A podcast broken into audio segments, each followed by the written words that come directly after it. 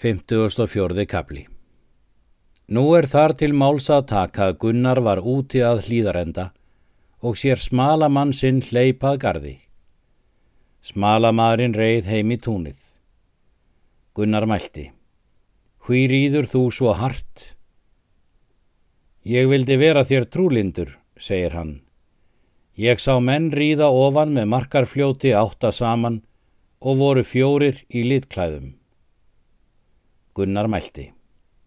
Þar mun vera ótkjall.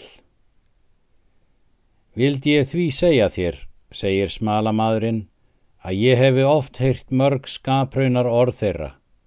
Sagði svo skamkjall austur í dal að þú hefðir grátið, þá er þeir riðu á því ofan. Þykja mér ílvera orðtök vondra manna. Ekki skulum við vera orðsjúkir, segir Gunnar en það eitt skall þú vinna hérðan í frá, er þú vilt. Skal ég nokkuð segja kolskeggi bróður þínum, segir smalamadurinn. Far þú og sof, segir Gunnar. Ég mun segja kolskeggi slíkt er mér líkar. Sveitnin lagðist nýður og sopnaði þegar. Gunnar tók smalahestin og lagði á söðulsinn. Hann tók skjöldsinn og girti sér sverðinu ölvisnöyt setur hjálm á höfuð sér, tekur atgerinn og söngi honum hátt og heyrði rannveig móður hans. Hún gekk fram á mælti. Reyðurlegur ert þú nú, són minn, og ekki sá ég því slíkan fyrr. Gunnar gengur út og stingur niður atgerinum og verpur sér í söðulinn og rýður braud. Rannveig gekk til stofu. Þar var háreisti mikill. Hátt kveði þér, segir hún, en þó létt hærra atgerinn er Gunnar gekk út. Kolskeikur heyrðu og mælti. Það mun eigi engra tíðinda vita. Það er vel, segir Hallgerður. Nú munu þeir reyna hvort hann gengur grátandi undan þeim. Kolskeikur tekur vopp sín og leita sér að hesti og rýður eftir slíkt er hann mátti.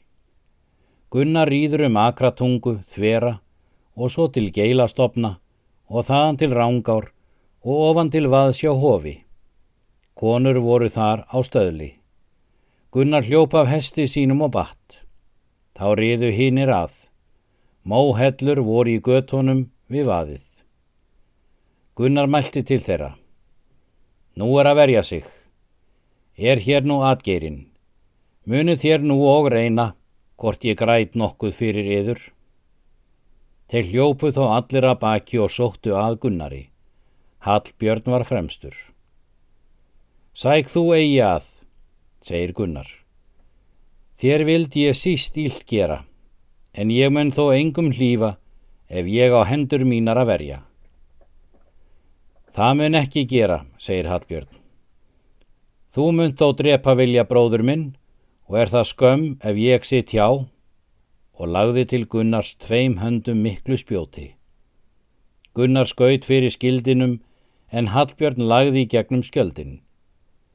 Gunnar skaut svo fast niður skildinum að hann stóð fastur í jörðunni en tók til sversins svo skjóta eigi mátti auga áfesta og hjó með sverðinu og kom á hendina, Hallbjörni, fyrir ofan úrlið svo að af tók.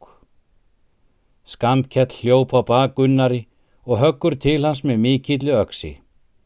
Gunnar snýri skjótt að honum og lístur við atgerinum og kom undir kverk öksinni og hraut hún úr hendi honum út á rángá. Gunnar leggur í annarsinn atgerinum og í gegnum skamkjell og vegur hann upp og kastar honum í leirgötuna að höfðinu.